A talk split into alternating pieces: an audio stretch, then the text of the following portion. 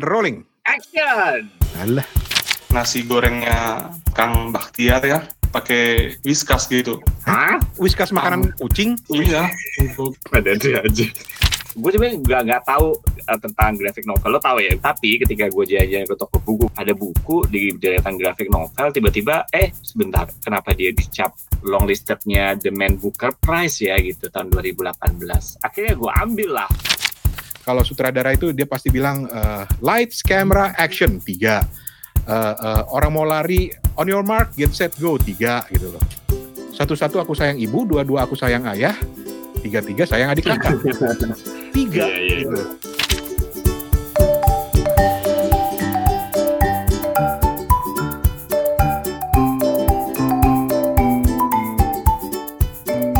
Selamat kembali ke podcast Kepo Buku. Ada Bang Rane. Halo Bang Rane. Halo, apa kabar Steven? Halo ada juga di sini tulisannya Kepo Buku, tapi ini ternyata adalah Mas Toto, Her Toto. Halo Mas Toto. Halo Mas Steven dan Bang Rani, apa kabar? Kita udah beberapa minggu udah nggak rekaman nih, jadi agak kagok ya. Apa gimana nih? Hmm, ada kaku gitu kesannya jadi nggak saling kenal. Iya, kamu kamu siapa? Kamu aku tersipu. Nah, itu baru kelihatan normalnya Toto. Aduh, aduh, aduh, aduh. Jadi buat Hmm. buat informasi aja buat teman-teman yang lagi dengerin, kayak kemarin kita cerita, kita lagi uji coba rekamannya sekarang pakai Telegram voice chat Betul.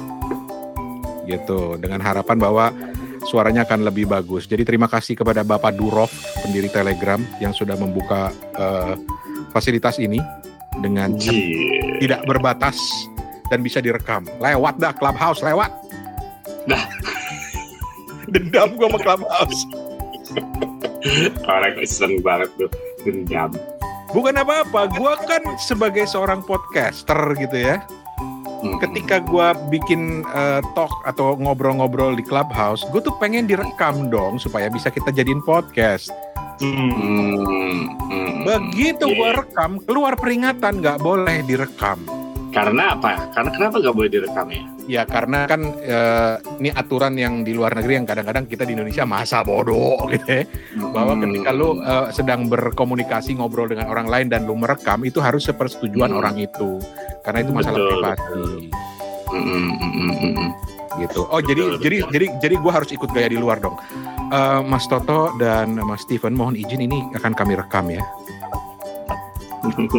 Bodoh amat kata Toto. ya, ya, ya, jika Anda tidak menyetujui, harap keluar segera. Harap keluar segera. Oke, Ven, lu kan hostnya kenapa gue yang ngomong, Ven? Hmm. Oh iya oke. Pas dadakan nih ceritanya nih. Oke kali ini kita akan membahas masing-masing satu buku ceritanya nih. Lo kalau gini dong, Van, kayak di TV-TV, Van. Kalau orang salah satu host sudah ngelantur, lo bilang durasi, durasi, gitu. Oh iya gitu ya. Lu kayak pernah di TV aja, toh. Ya, pernah gue di TV, di YouTube tuh kan TV itu. Oh, jangkauannya malah lebih keren itu, ya nggak sih? Seluruh dunia. Ya nonton ya ada.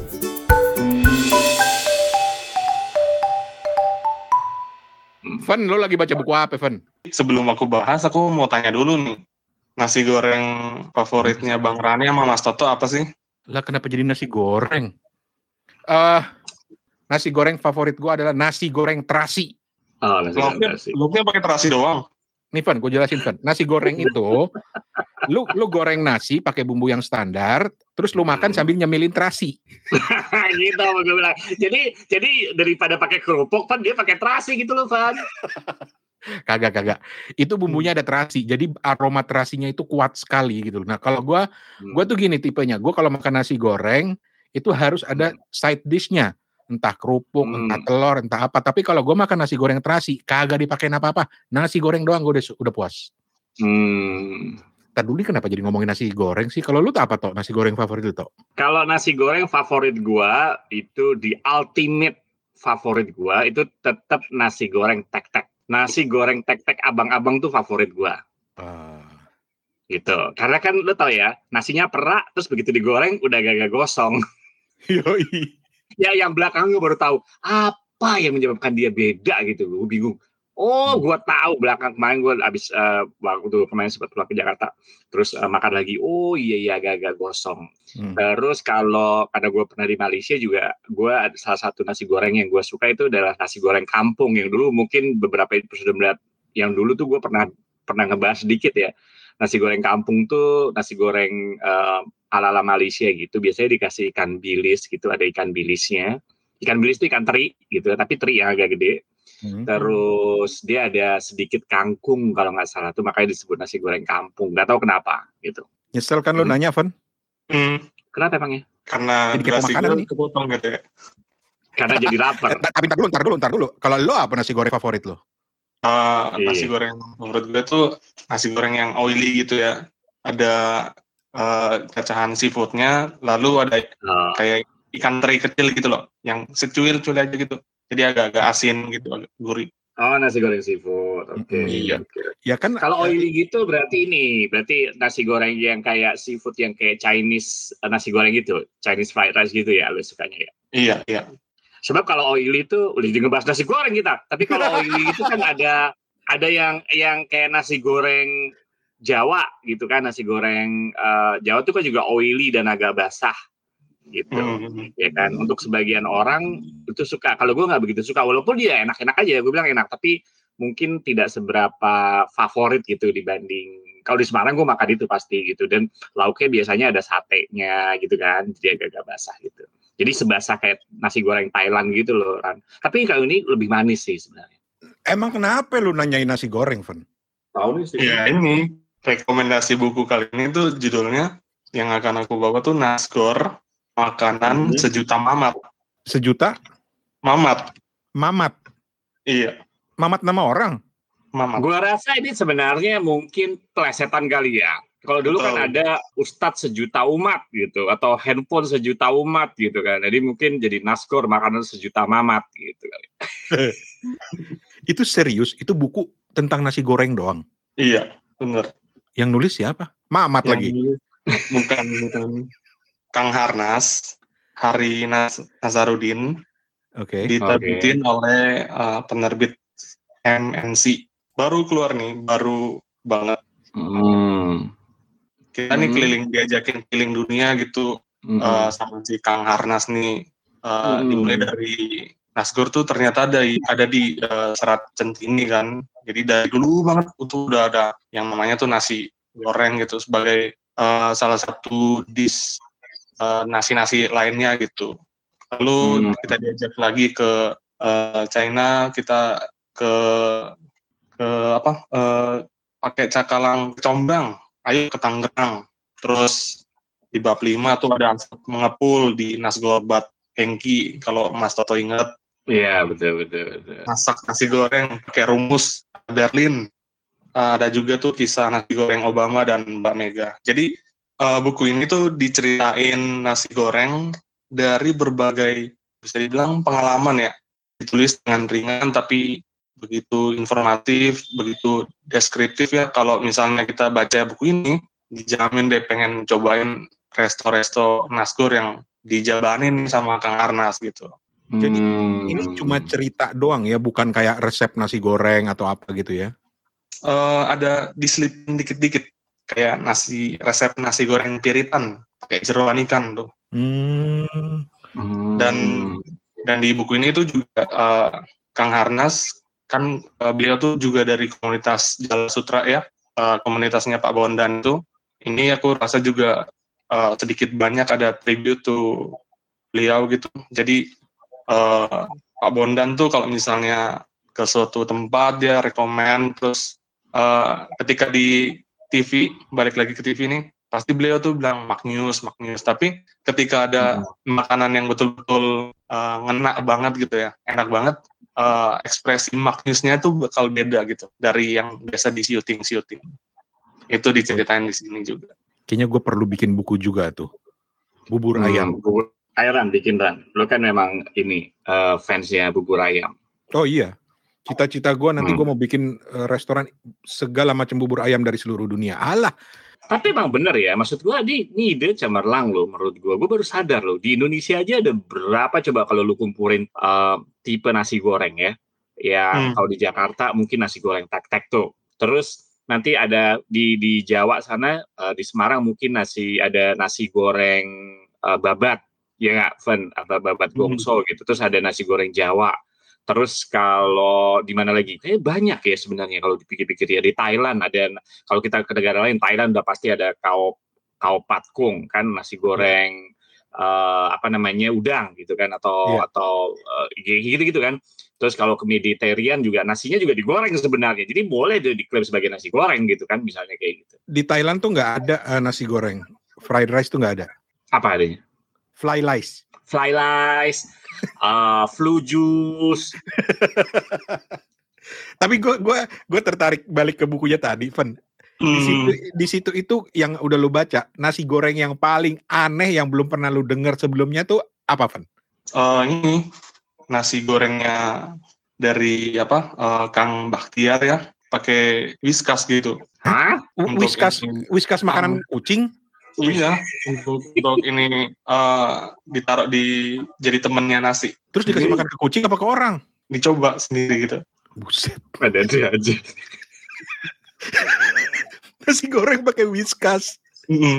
Karena Aduh, katanya harum banget ya ininya hancur hancur Evan gue se hmm. sebelum pindah ke buku lain gue mau dong lu, lu, lu gue tuh selalu penasaran cara orang bercerita di bukunya gue mau dong bacain dikit aja satu paragraf aja hmm. misalnya yang yang soal whiskas gitu ada nggak bukunya di lu sekarang ada ada ada oke okay.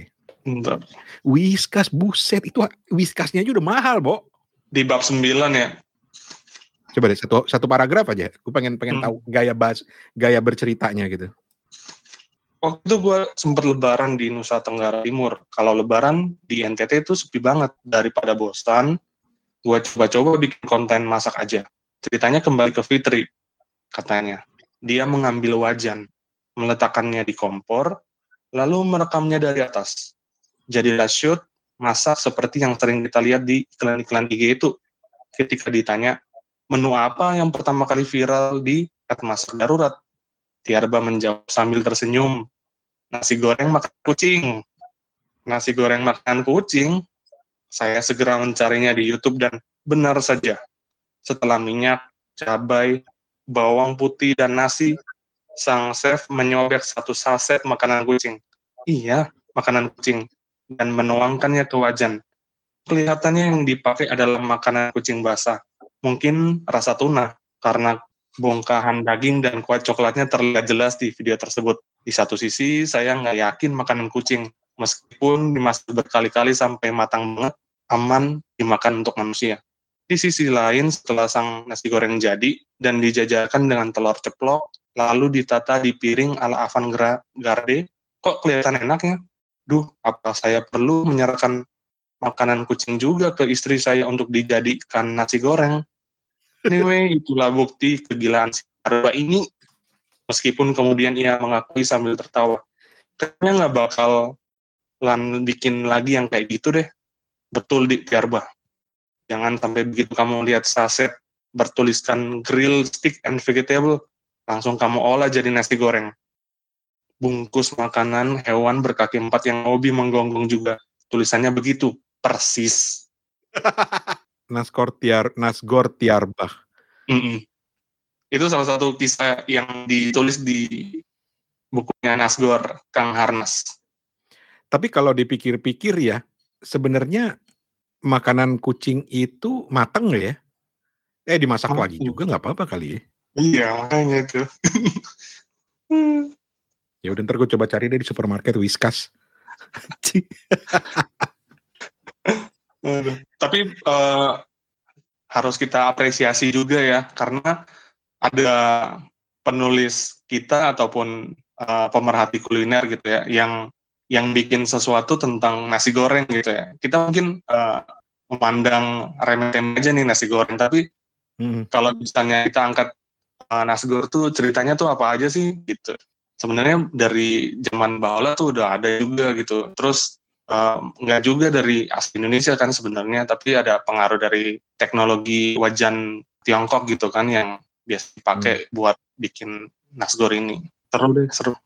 Alright. Sekali lagi judulnya, Van. Eh, sekali lagi judulnya nasgor makanan sejuta mamat. Lucu ini eh, diceritain dengan gaya kayak ala ngobrol-ngobrol aja gitu. Kayak eh, humor ala Trinity gitu kalau dia lagi eh, nulis di blognya juga. Soalnya tadi pas lu baca, gue pikir lu lagi ngomong, taunya lagi baca itu. Iya. Oke. Nasgor Hmm. makanan sejuta mamat. Penulisnya Kang Harnas. Kang Harnas. Ini penerbitnya siapa sih? Penerbitnya nih eh, imprint dari penerbit MNC yang biasa bikin komik itu. Imprint. Oke. Iya. Oke, mantap.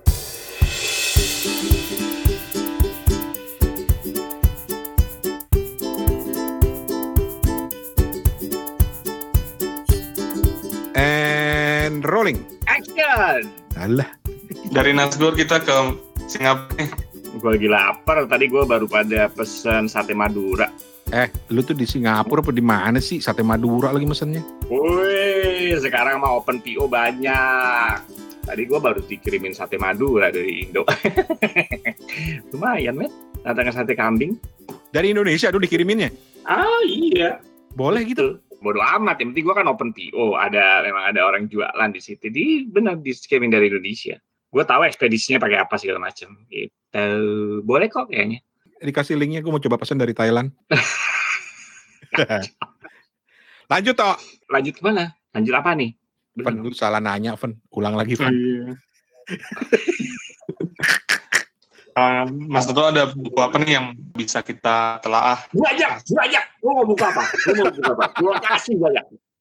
Ya karena sesuai rule kita kali ini, eh, sayang sekali kita cuma bisa kasih satu. Punya satu. Oke, Hmm. sebenarnya gue mau jujur aja nih ya. Gue tuh eh, selama ini kan dicap sebagai orang yang tidak suka fiksi. Nah, gue tuh sebenarnya lagi bikin proyek kecil-kecilan. Jadi gue daripada baca buku-buku umum, gitu ya, buku-buku non fiksi, maksudnya bukan buku umum gitu ya. Hmm. Gue lebih sekarang baca fiksi. Yeay! Tapi, wait, tapi sampai bulan ketiga ini belum ada yang selesai. Elah, toh. Jadi gue coba ngasih tahu aja ya. Dan dan yang paling hampir mendekati selesai itu justru uh, sebuah buku uh, no graphic novel gitu. Nah, uh, gue kasih gue kasih backgroundnya dulu ya. Gue sebenarnya nggak niat beli. Gue sebenarnya nggak nggak tahu uh, tentang graphic novel. Lo tahu ya, gue nggak begitu suka visi dan ketika baca komik gue agak kebingungan gitu. Tapi ketika gue jalan-jalan ke toko buku beberapa minggu yang lalu, ada buku di deretan grafik novel tiba-tiba eh sebentar kenapa dia dicap long listednya The Man Booker Prize ya gitu tahun 2018 akhirnya gue ambil lah begitu Emang bukunya nah siapa? buku ini nah bukunya ini eh, di dibuat atau di dikarang gitu ya sama digambar sekalian ya karena dia tergantung writer sama artisnya adalah si eh, Nick Dra Dranaso ya gimana cara ngomongnya ya Nick Dranaso yang judulnya Sabrina. Oke. Nah, gimana sih bacanya dia? Eh, Soalnya eh, DR Naso gitu cara nulisnya. Gue nggak tahu cara bacanya gimana. Dranaso apa gimana sih? Nggak tahu lah. Sebenarnya gue nggak punya background apa-apa ketika ngambil buku ini gitu. Jadi gue cuman ya tapi gue eh kenapa graphic novel ada yang dicap ada yang ada dapat nominasi main booker ya akhirnya gue ambil lah gitu dan gue nggak tahu karena masih dalam sampul plastik waktu itu kan begitu sampai rumah gue baca waduh ini graphic novel unik nih gue bilang kayak gitu karena gambarnya itu tidak menarik sama sekali gitu dull gitu. Hmm. nggak berwarna-warni eh, gambarnya itu nggak kayak biasa lo baca komik Jepang atau graphic novel yang lain gitu ya. Ini tuh benar-benar datar. Kayak ibarat masakan itu kalau dilihat sekilas gitu kayak ibarat masakan tanpa garam tanpa gula gitu.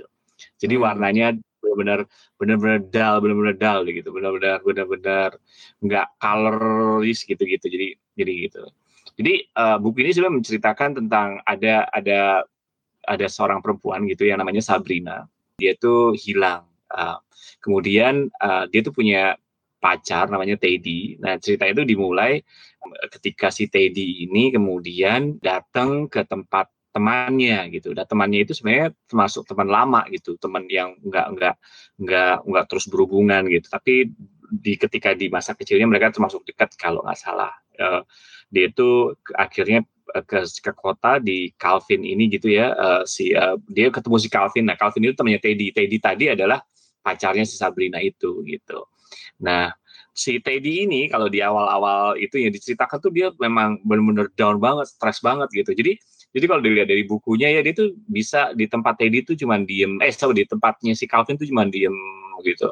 Terus kadang-kadang cuma pakai celana dalam doang kayak gitu-gitu saking stresnya gitu kan. Nah, gue akan berhenti sampai di situ dulu ya. Cuman buku ini menarik hmm. karena nanti di berikut-berikutnya lu akan tahu bagaimana si Sabrina itu ternyata uh, hilangnya kenapa, kemudian apa yang terjadi dengan dirinya. Uh, ada video-video yang uh, akhirnya ketemu tentang si Sabrina ini gitu ya. Gue nggak akan cerita lebih lanjut karena takutnya di spoiler gitu. Tapi yang jelas kalau gue pikir-pikir ya, kalau lu kalau lu suka baca buku tentang graphic novel yang yang mungkin lebih lebih ekspresif gitu kan ya itu mungkin lu nggak akan menemukan. Tapi ketika berhubungan dengan tema orang hilang si Sabrina ini jadi menarik menurut gue gitu.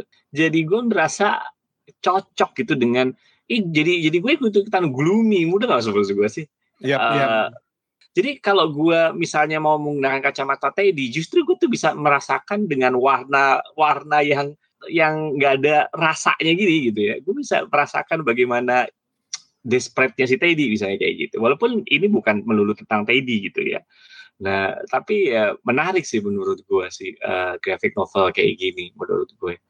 Nah, walaupun juga cukup lama sih membacanya gitu dan dan dan sampai sekarang pun gue masih bolak-balik kayaknya ada sesuatu yang gue missing gitu sampai sekarang gitu. Kok gue kayaknya ceritanya ada sesuatu yang gue belum ngerti jadi gue balik lagi. Kan kan gue sendiri cukup struggling pertama baca fiksi kedua cukup struggling membaca yang namanya graphic novel kan. Jadi hmm. uh, atau komik gitu. Jadinya ya gue sampai sekarang pun masih bolak-balik buku ini gue baca ulang lagi Yo, Tapi um. jujur uh, buku ini cukup mengagetkan gitu ya gue baca ajit gue bilang kayak gitu ya. Kenapa warnanya begini? gitu ya. Jadi uh, uh, terus uh, kenapa juga uh, gambarnya seperti ya sederhana sih sebenarnya kalau gue bilang gitu. Gue udah baca Sabrina udah lama banget uh, dan udah lama banget ya? Ya buku ini sebenarnya bukan bukan baru bukan buku baru iya. sih gitu. Dan dan dan satu hal yang yang gue sepakat sama Toto emang ketika lo membaca kisah Sabrina ini lo merasa ikut ke bawah gitu loh. Tapi yang menarik buat gue dari Sabrina ini justru karena di situ dia memasukkan unsur-unsur uh, teori konspirasi. Betul, betul. Tadi sebenarnya gue, uh, gua makanya sebenarnya tadi gue mau nyinggung itu, tapi gue takutnya jadi spoiler gitu ya. Gue gak tahu juga sih.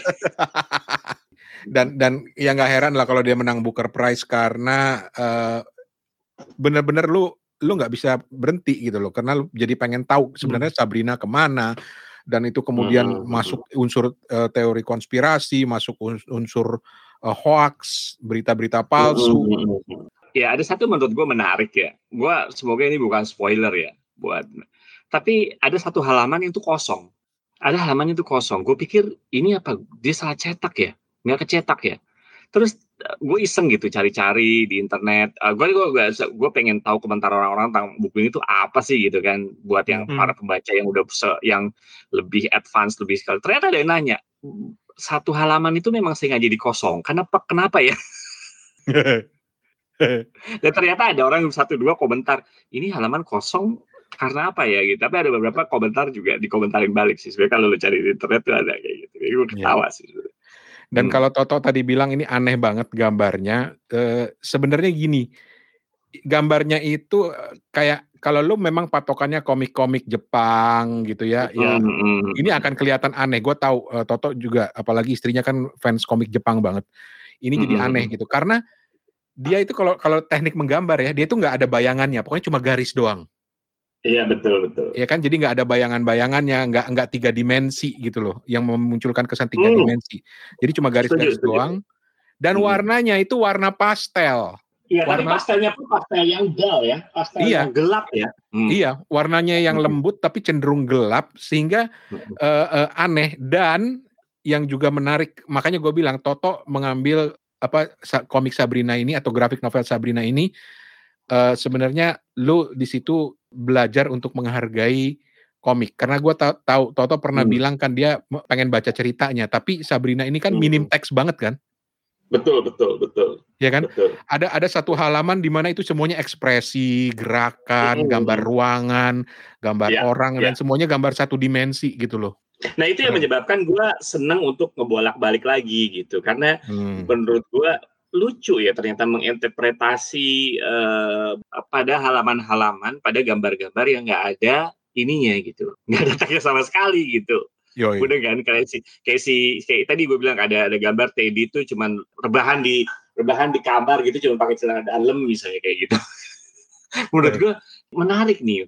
Jadi jadi gue cuma inget aja kata kata sepupu gue gitu. Lu kalau pengen nyobain sesuatu yang baru, ya sesuatu yang baru itu harus bagus gitu ya hmm. ya karena ada capnya. Gini dulu kan pernah kita bahas seberapa seberapa jauh sih uh, predikat sebuah gitu. buku itu gitu ya. Kayak main buku itu berpengaruh untuk lo membeli. Dulu gue jawab enggak. Tapi untuk kasus ini iya karena ya itu kata sepupu gue kalau lu pengen pengen sesuatu yang baru kenapa lu nggak cobain sesuatu yang paling bagus? Kalau pengen tapi dalam kasus makanan ya dia bilang gitu kalau lu pengen nyobain sesuatu yang baru anggap lu nggak pernah makan sushi misalnya. Cari uh, cari restoran sushi yang the best that you can afford gitu. Dia bilang gitu. Jadi gue bilang oh buku ini oke. Okay. karena buku ini sebenarnya juga dalam tanda kutip sebenarnya nggak murah juga ya Ran ya.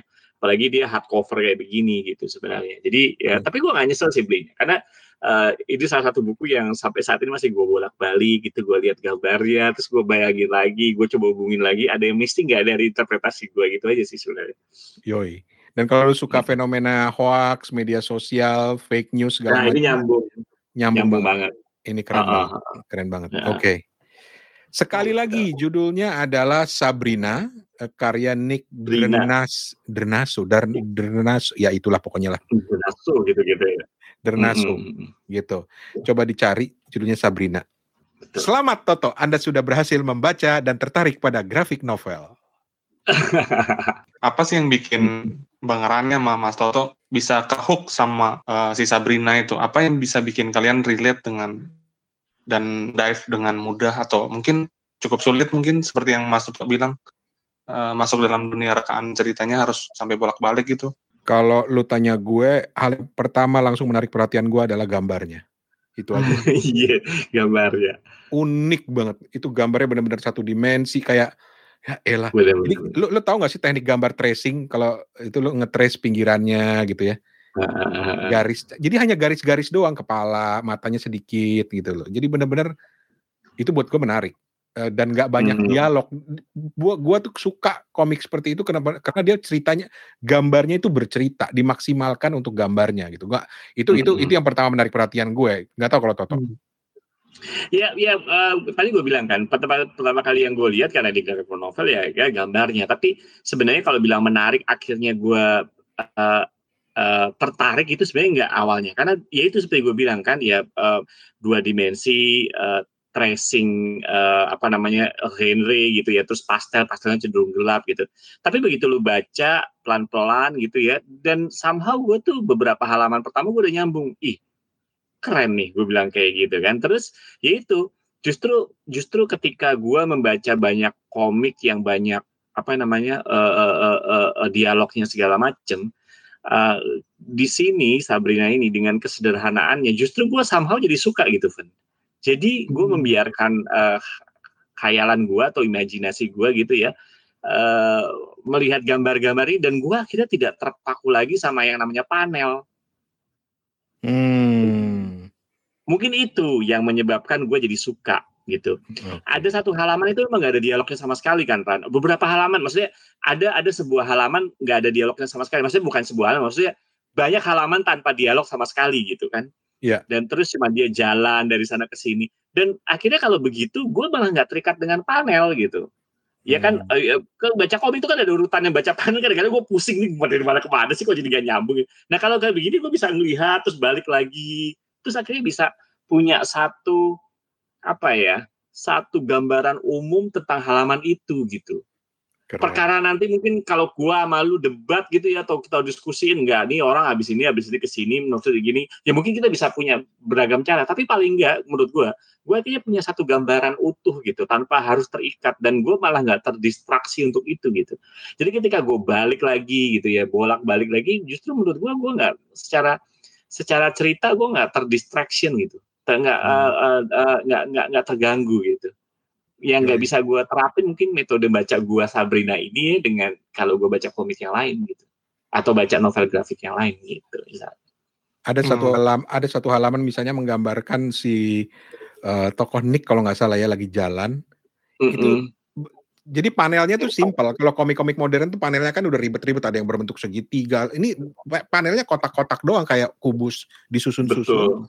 Tapi dia menggambarkan jalannya dia dari naik tangga, masuk ke ruangan, lorongnya segala macam. Itu nggak ada kata-kata sama sekali. Tapi buat gue itu keren banget. Gila, keren banget. Iya Wah. keren keren. Gila. Toto bisa bercerita tentang grafik novel. Gue bahagia banget. ada temen, ada temen. Gitu, Pen. Yup. Gitu kan.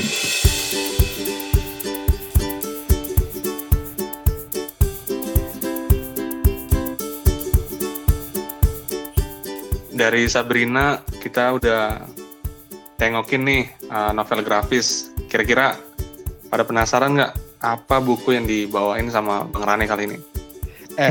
Sebelum cerita buku gue, gue baru beli. Jadi gue belum bisa cerita yang ini. Tapi ini juga grafik novel. Dan grafik Oh. novel ini gue pikir bakal laku. Dan ini salah sa- ini ma- mahal, lumayan mahal loh. Kindle-nya aja 26 dolar lebih. Uh, oke oke. Grafik novelnya Yuval Noah Harari, Sapiens. Ah, yang yang yang itu ya, yang bukunya agak agak panjang gitu gitu ya. Pokoknya Sapiens Ah. dan ini buku-buku yang seri pertamanya. Jadi versi Buku grafik pertama novelnya dibikin beberapa seri nantinya. Tapi seri pertamanya baru keluar 26 Hmm. dolar yang versi Kindle-nya.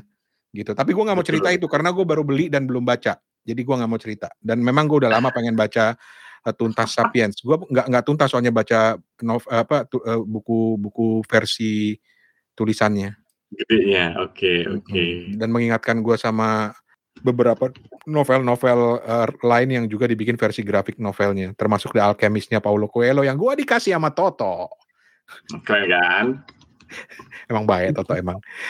Oke, tapi buku yang kali ini gue mau bawa ini ada hubungannya dengan uh, kegiatan gue beberapa setahun terakhir inilah, ketika gue mulai uh, sibuk ngasih uh, training-training workshop tentang podcasting. Nah, Di Hmm. salah satu training itu, gua kebagian tugas untuk cerita tentang storytelling dalam podcast atau storytelling dalam bentuk audio. Gitu. Nah, gua gua ingat gua pernah ngasih training buat radio bercerita tentang bagaimana sih lu mewarnai cara bercerita lo, cara storytelling lo dengan lebih keren gitu. Nah, eh, tapi kan itu udah teori-teori lama. Paling ya kalau eh, Toto orang radio pasti inget lah. Paling kalau cerita storyteller pasti yang jadi rujukan lagi-lagi theater of mind lagi, theater of mind lagi gitu kan. Hmm, hmm, hmm, hmm. Sampai gue kemudian menemukan buku ini yang akhirnya gue pakai rujukan buat salah satu workshop gue. Judulnya Hmm, The Storyteller Secret From TED Speakers to Business Legends Why Some Ideas Catch On and Others Don't. Oke. Dan ini pengarangnya gue suka karena eh, dia pernah membuat buku yang bercerita tentang rahasia presentasinya seorang Steve Jobs yang terkenal itu yang sekarang banyak ditiru tapi nggak pernah ada yang berhasil gitu. Hmm, hmm, hmm. Namanya Carmin Gallo, Carmin Gallo itu yang penulisnya dan akhirnya ini ini gua gua tamatkan dalam semalam gitu loh karena gue penasaran apa yang menarik dari buku ini gitu dan dan buku ini sebenarnya intinya cuma eh, apa ya dia pernah menulis tentang talk like TED jadi ke keberhasilan para pembicara-pembicara di di TED Talk TED Talk itu kan Hmm, hmm, salah satu contoh contoh eh, presentasi dan bentuk storytelling yang keren gitu karena memang dipersiapkan dengan bagus siapa pun tamunya gitu hmm, Eh, hmm. menarik ya karena Carmen Galau ini kemudian mewawancarai banyak orang yang terkenal termasuk juga yang pernah Hmm. hadir di sebagai pembicara di TED Talk dan kemudian Hmm. dia mencoba membuat kesimpulan atau membuat analisa tentang apa sih rahasia keberhasilan mereka dalam melakukan eh, dalam bercerita gitu. Ya. Nah, di situ di bukunya itu dibagi-bagi misalnya ada uh, uh, uh, storyteller yang uh, who who ignite our inner fire gitu, yang memicu uh, uh, diri kita atau atau mungkin meng- meng- menginspirasi gitu ya. Terus juga Hmm, ada storyteller who educate yang mendidik, ada juga yang who simplify. Justru dengan kesederhanaannya dia bercerita malah jadi menarik. Ada juga Hmm. story storytellers who motivate yang memberi motivasi dan storytellers who launch movement gitu loh. Nah, uh, ini menarik sebenarnya kalau lu memang berminat pada bidang bukan hanya bidang podcasting yang memang uh, salah satu formatnya adalah storytelling, tapi juga hmm. buat lu toh yang sering presentasi toh. Hmm, hmm, hmm. atau atau Stephen misalnya yang yang juga harus membutuhkan kemampuan bercerita misalnya untuk menjual bukunya gitu loh. Karena yeah. kenapa? Uh, kalau menurut seorang pakar marketing dari Johnson Johnson, orang itu hmm. ini kalau kita ngomong jualannya bukunya Stephen ya, orang hmm. itu katanya tidak membeli produk, tapi dia membeli cerita di balik produk tersebut. Hmm. Itu yang hmm. menyebabkan kenapa produk kayak Nike dengan apa Just Do It itu laku gitu loh. Karena ada cerita hmm. di baliknya. Itu yang menyebabkan kenapa produk-produk kayak misalnya uh, uh, uh, uh, uh, air mineral aqua misalnya laku karena cer- di, disajikan dengan cara yang menarik. Ini cuma jualan air putih, men. Tapi kemudian diceritakan iya, ambil dari mata air yang berbagus, kemudian ada kampanyenya yang bilang ada aqua gitu. itu itu itu cerita sebetulnya. Nah, itu itu makanya Steven mungkin bisa dan uh, apa yang kita lakukan di Kepo Buku ini kan bisa dalam artian juga sebenarnya menjual juga kan menjual ide tentang sebuah buku yang mungkin bisa menarik perhatian orang gitu. Itu sih dari situ gue banyak banget materi yang kemudian gue pakai buat buat presentasi. Gue kutip sana sini dan salah satu yang paling menarik perhatian gue itu misalnya um, bentar gue cari dulu. Bentar bentar. Oh nih nih nih nih. Misalnya gini uh, dia dia dan ini gue pakai di materi uh, uh, workshop gue dan itu jadi panjang jadi berlembar-lembar cerita gue uh, ketika dia bilang misalnya uh, dalam bercerita atau storytelling itu ada yang disebut sebagai rules of three. Rules of three itu adalah karena manusia, dia bilang, itu berpikir dan mengingat dengan pola. Wah, ini Toto mungkin tertarik nih. dia berpikir dan mengingat dengan pola. Jadi misalnya kalau gue sebut serangkaian angka 25, 33, 45, 67, mungkin lu belum tentu bisa mengingatnya. Tapi kalau misalnya gue bikin pola jadi tiga angka, tiga angka, 2, 5, 3, 4, 4, 5, 6, 7, 3 gitu. Misalnya gitu. Jadi kalau gua, gua hmm. kelompok-kelompokkan jadi tiga itu justru orang lebih mudah mengingatnya gitu. Nah, itu yang yang dia pakai uh, uh, apa the rule of three dalam storytelling dalam bercerita itu bahwa ketika lu kelompok-kelompokkan hmm. itu menjadi sebuah pola itu orang mudah untuk mengingat dan pola yang paling gampang adalah tiga paling kecil dan paling gampang diingat itu polanya adalah tiga jadi biasanya orang bercerita itu pada umumnya dikelompokkan strukturnya menjadi tiga pola dan itu banyak ditemukan dalam keseharian. Ini yang gue suka karena dia ngambil dari cerita keseharian. Misalnya kalau sutradara itu dia pasti bilang uh, lights, camera, action tiga. Uh, uh, orang mau lari on your mark, get set, go tiga gitu loh. Terus gue hmm. mikir di, di Indonesia contoh itu ada nggak ya? Ada. Satu-satu aku sayang ibu, dua-dua aku sayang ayah, tiga-tiga sayang adik kakak. Tiga. Yeah, yeah, gitu. Jadi jadi itu yang gue suka. Bagaimana dia menstrukturkan itu membuat orang mudah bercerita hmm. dengan struktur. Karena kadang-kadang kita bercerita itu tanpa ada aturan, tanpa ada struktur, pokoknya nyerocos aja kan. Hmm. Nah, kalau kalau kalau dia bilang seorang pencerita yang sukses itu mampu membuat struktur yang bagus dan struktur yang paling sederhana adalah the rule of three tadi. Jadi kalau dalam drama misalnya latar belakang, terus konflik, baru resolusi gitu misalnya. Seorang pangeran yang jalan-jalan ke hutan, ngelihat putri yang lagi tidur, putrinya dicium, terus mereka hmm. bahagia ever after. Atau bahkan kemudian nanti uh, di, di presentasi itu gue ceritakan dengan contoh-contoh sinetron segala macam, cuma untuk nunjukin bahwa ketika lu ber, sudah terlatih untuk menstrukturkan tulisan lu, eh, cerita lu, cerita lu akan lebih mengalir. Itu sih. Dan satu lagi misalnya dia bilang uh, the world's great storytellers itu Hmm. apa para pencerita yang hebat di dunia itu selalu mematuhi the rule of three ini karena berhasil mewujudkan tiga hal. Yang pertama itu memberikan template yang sederhana kepada struktur cerita kita. Kedua, mempermudah atau mensimplifikasi cerita kita sehingga orang bisa ingat. Dan yang ketiga, hmm. itu bisa uh, berujung pada kita mempersuasi karena orang bercerita itu kan ingin mempersuasi, ingin uh, uh, ceritanya dipahami. Jadi kalau dia pakai atau patuh pada rule of thirds itu yang menarik. Itu itu orang akan mudah paham. Dan terakhir, nah ini kalau ini buat Toto nih. Nah, oke. Okay. Karena diceritakan di situ bagaimana PowerPoint yang sudah ada jutaan ratusan juta PowerPoint di seluruh dunia itu seharusnya idealnya hanya menemani, hanya sebagai ilustrasi. Karena kebanyakan Hmm. dari kita ketika kita presentasi dengan menggunakan PowerPoint, munculin ke layar, kita asik baca PowerPoint-nya gitu. Atau Nah. PowerPoint-nya sibuk gitu ya. Maksudnya banyak teks kayak gitu ya.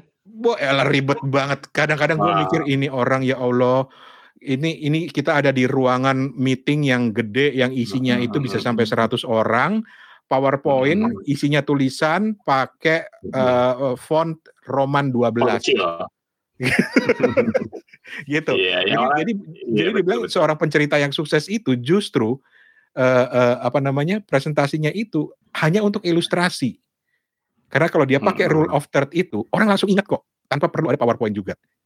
Gitu. Betul, itu sih betul. buku gue dan ini ini salah satu buku penting yang akan gue simpan seterusnya setelah buku tentang rahasia presentasinya seorang Steve Jobs. Steve Jobs juga menerapkan hal yang sama kan. Presentasi dia simple-simple aja. Betul, betul. We welcome you. The new iPhone cuma gambar iPhone doang. gitu. Tapi, tapi itu yang jadi hook ya. Itu yang jadi hooknya. Jadi itulah. Mm-mm. Dan ya itu tadi poin-poin yang menarik buat gue itu karena memang eh, simple itu justru lebih mudah dipahami kok. Hmm. Lu pakai tiga babak Betul. untuk menjelaskan sesuatu itu lebih eh, mudah dipahami. Misalnya kalau lu cerita soal buku. Nah, ini buat teman-teman kepo buku nanti yang mau mau ikutan sh- sharing cerita tentang bukunya. Coba kita terapkan the the rule of three ini. The rule of three-nya review buku itu misalnya nih, nggak tahu kalau Toto ada Steven ada ada ide, ide lain. The rule of three Mhm. adalah yang pertama lu cerita tentang bukunya dulu, ya kan? Mm-mm. eh, apa kontennya itu cerita tentang apa terus lu ambil bagian-bagian yang yang keduanya lu ambil bagian yang menarik buat lu gitu kan Mm-mm. dan kenapa Mhm. ini eh, eh, apa dibacain atau dikutip gitu dan yang ketiga kesan lu seperti apa terhadap buku itu secara pribadi itu the rule of three nge-review buku kalau menurut gue kalau lu tuh gimana tuh Ah, iya, oke. Kalau gue harus me- me- me- me- meringkas menjadi rule of third kayak gini ya, gue justru akan uh, bilang sejarahnya dulu gitu. Kalau orang, kalau kalau kalau gue de- dilihat dari kebanyakan gue cerita ya, itu adalah kenapa sih gue awalnya gue mengambil buku ini gitu? Karena mungkin backgroundnya adalah gue tuh nggak pernah gue tuh selalu random ngambil buku, tapi gue Hmm. pasti ada cerita di balik kenapa gue ngambil buku ini di rak gitu kan, misalnya kayak Hmm. gitu kan, atau gue beli buku ini online wha- whatever gitu kan, pasti ada gitu. Kedua, ya gue setuju sama lo, apa yang menarik dari buku ini? At, uh, a little bit synopsis, tapi mungkin lebih ke apa yang menarik gitu. Kemudian yaitu uh, key takeaway sih kalau menurut gue, karena takeaway. karena setelah lo baca apa sih yang bisa lo lo lo ini lo lo, lo ambil dari buku ini? Apa sih yang yang setelah sinopsis segala macam menarik dan apa yang insight apa yang lo bisa lo dapetin dari buku ini gitu. Asik. Hmm. Semenarik menariknya buku seharusnya ada sesuatu yang bisa lo terapin diri lo atau yang impact ke ke diri lo gitu, yang membuat lo, eh iya ya gitu loh. Eh bener ya. Eh, Oke lah kalau besok be- besok gua terapin deh gitu nggak bisa kayak gitu menarik nih idenya gitu bisa kayak gitu Gue suka tuh Gitu. poinnya Toto tadi. Diri lo ya. Dia- Dan yang terpenting sih nggak usah malu kalau lo punya pendapat yang beda tentang buku itu. Lo mau bilang jelek, lo bilang betul jelek. betul betul Kepo, betul kepo buku tuh menghargai kejujuran. Halah. Iya, iya, iya. kalau lo kan, kalau lo kan, hampir-hampir sama sama irisan Bang Rani sama Mas Toto, tapi mungkin dibagi tiga, biodata bukunya pertama, terus Hmm. yang kedua, apa yang menarik atau apa pun yang menjadi apa ya, menjadi sebuah pembeda dari buku ini sama yang lain. Yang ketiga, rekomendasi ini eh, bukunya bakal bagus buat siapa aja sih gitu. Ya mungkin itu yang Hmm, cukup sederhana untuk diceritain. hmm. lain, lain kan kalau Ka- Kang buku yang ngomong. sudut pandangnya sudut pandangnya seperti itu karena mungkin ya setiap kali menerima buku Steven akan pertama kali melihat tiga hal itu kan betul Hmm. betul keren keren tuh teman-teman jadi ada ada ada tiga masukan nih buat yang mau ikutan review buku dan kita itu nyoba pakai Telegram ini karena nantinya untuk eh, acara kepo bareng kita mau coba pakai Iya, iya. Telegram ini jadi Mhm. buat teman-teman udah bisa nih daftar atau ikutan atau join ke channel Telegram kita alamatnya itu ada di t titik me T titik ME garis miring kepo buku jadi satu. T titik ME garis miring kepo buku huruf kecil semua Iya. dan dan nantinya kalau ada kita mau ngajak kepo bareng kita tinggal bilang siapa yang mau ikutan kepo bareng edisi ini nanti kita invite. Sementara eh, eh, teman-teman yang lain yang ada di grup kepo buku atau di channel kepo buku bisa mendengarkan bisa nguping gitu. Jadi bisa nguping duluan sebelum episode itu bahkan muncul jadi eh, podcast. Bahkan mungkin yang versi yang belum diedit gitu. Mm-mm, Gitu. dan satu hal lagi, jangan lupa bahwa kadang-kadang ah males lah gue ikut grup-grup lagi. Ini grup yang beda dari yang beda karena ini nggak akan ganggu lo, lo nggak akan dibangunin sama tangtung-tangtung tiap hari. Karena ini sebenarnya cuma satu arah dari kita untuk sharing ada episode baru apa, ada rekomendasi buku apa, dan juga kita pakai buat rekaman bareng itu aja sih. Iya, iya betul betul. Oke, Mau nongkrong dengerin aja juga bisa ya kalau Boleh. ala-ala clubhouse gitu. betul. Ini pokoknya gak ala clubhouse tapi bisa direkam. Dan ketika lu lagi nongkrong tiba-tiba ada hal, wah gue nggak setuju tuh sama kata Steven tuh, lu bisa langsung minta untuk ngomong di situ. Oke. Hmm. Raise hand, raise hand gitu loh. Wah ada yang raise Oke. hand nih, mau protes sama Steven atau mau kenalan sama Steven kale. Boleh juga.